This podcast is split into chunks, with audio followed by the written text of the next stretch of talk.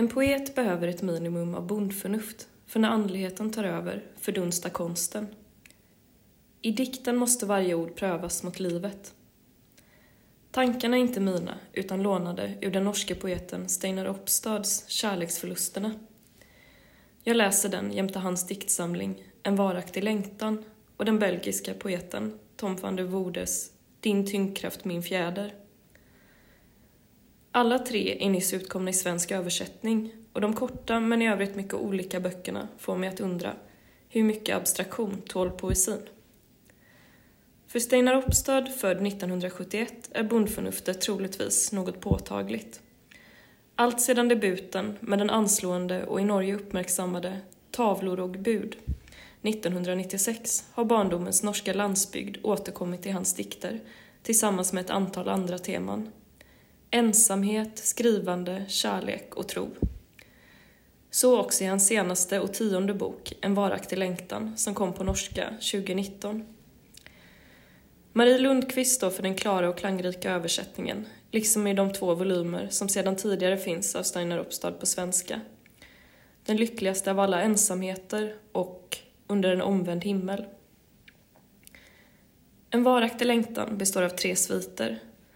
Den första av dem heter Nådesonen och liknar debutboken med dess lätt arkaiserade scener från en norsk lantbrukarfamilj. Utgångspunkt här är ett dubbelt svek mot släkten Poeten tar inte över gården och han får inga barn.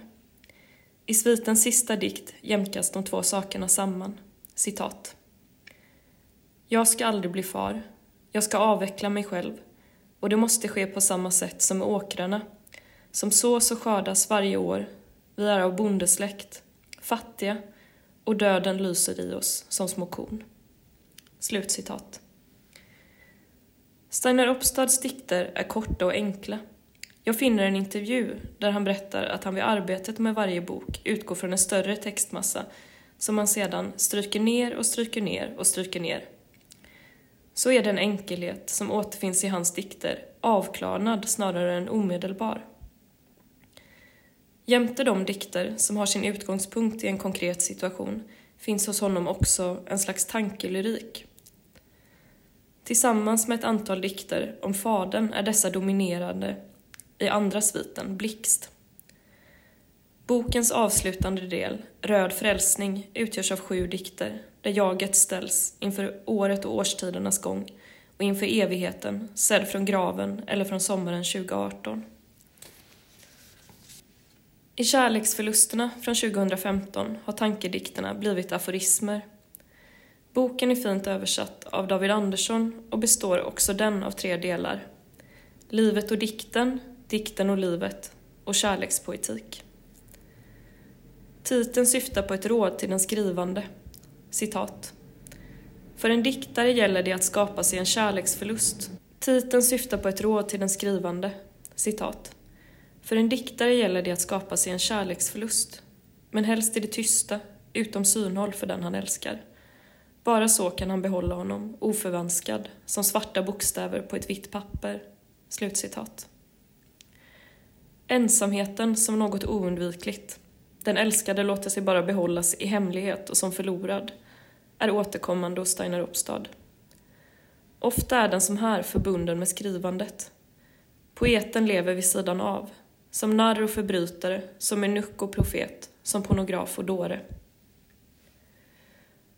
De många påståendena i kärleksförlusterna bör nog inte läsas som sådana, utan som del i den poetiska värld Steinar Uppstad byggt upp under ett kvarts sekel. Citat. Poesin är ett hängivet tänkande, ett tänkande som har som mål att få tanken att visa sig. Slutcitat.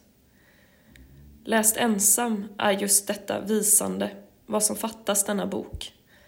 Men som ett komplement till dikterna fungerar den desto bättre. Här finns också den försonande ton som är karaktäristisk för Steiner Uppstads diktning. Framförallt blir den tydlig i sviten med kärlekspoetik. Citat. Den som har älskat många har inte nödvändigtvis ett kallare hjärta än han som förblir hängiven en enda livet ut.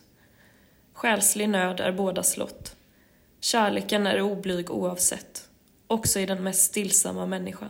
Slutcitat.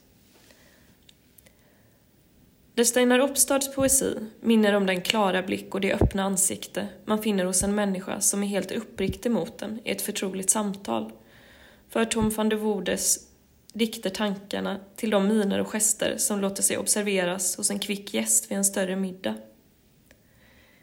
Din tyngdkraft min fjäder är hans tredje diktsamling och den andra som översätts till svenska, i båda fallen av Per Holmér. Flamländsk poesi eller litteratur är inte vanligt förekommande i vårt språkområde.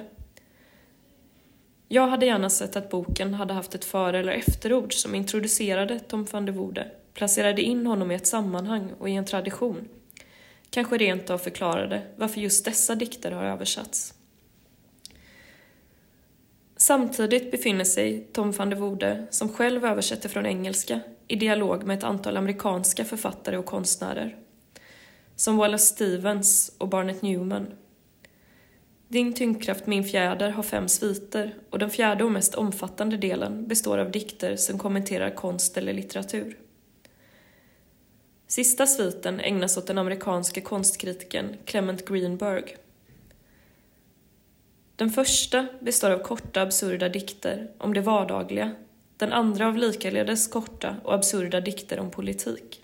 Den tredje tecknar en konflikt i en kärleksrelation.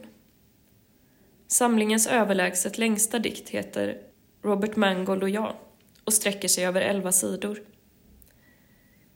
I den ligger jaget hemma på soffan och surfar på nätet. Vi har något en vän skriver på Facebook kommer han att tänka på den amerikanske konstnären Robert Mangold, börja googla honom för att sedan drömma ihop en vänskap och ett telefonsamtal med denne. Dikten utvecklar sig associativt, som en tanke kan göra, och är skriven med ett radbrutet vardagsspråk. I bokens näst längsta dikt, den fem sidor långa Who's afraid of red, yellow and blue, ägnar sig jaget åt översättning, vilket ger honom anledning att fundera över poesin. Citat. Poesi förespeglar jag mig då är ett väsentligt, annorlunda sätt att tänka än filosofi. Kombinationen av klang, rytm och bild lämnar föga plats för mening, åtminstone av det slag som låter sig förklaras. En meningslös form av tänkande tycks utgöra själva grunden för poesi. Slutcitat.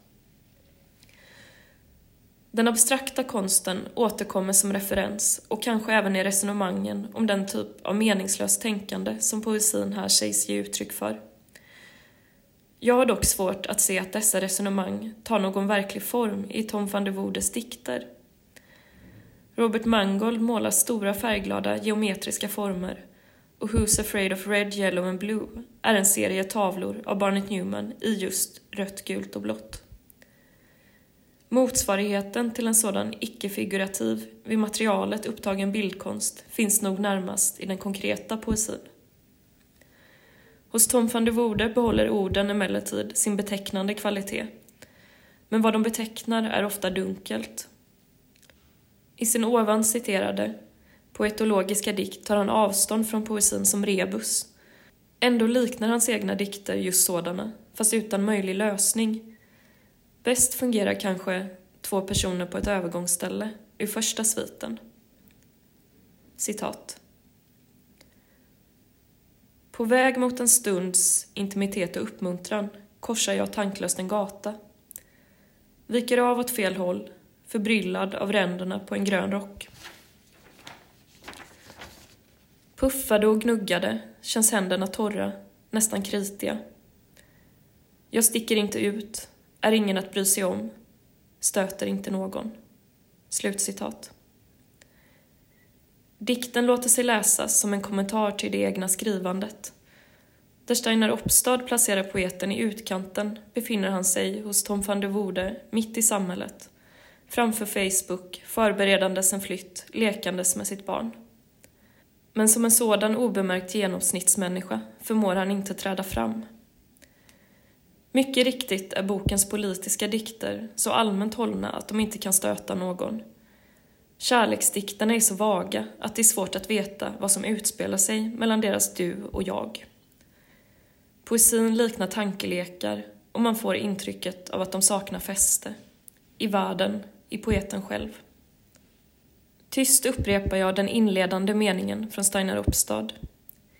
I dikten måste varje ord prövas mot livet.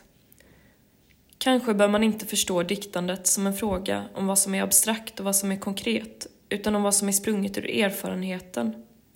Jag använder här ordet i bredast möjliga mening, som ett namn för det som går utanför det förutfattade och förväntade.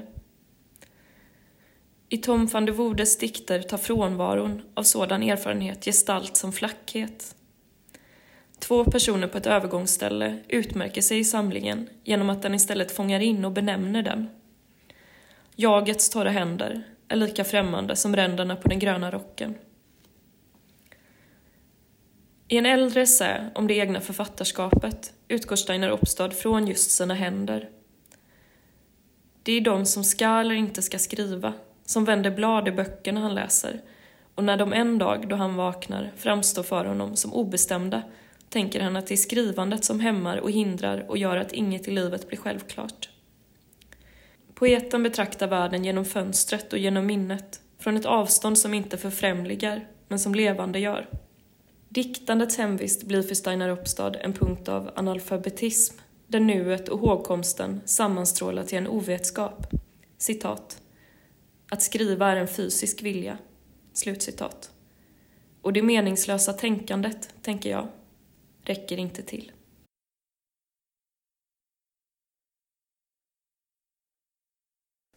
Den här recensionen är originalpublicerad på www.ornenochkrakan.se under ansvarigt utgivarskap.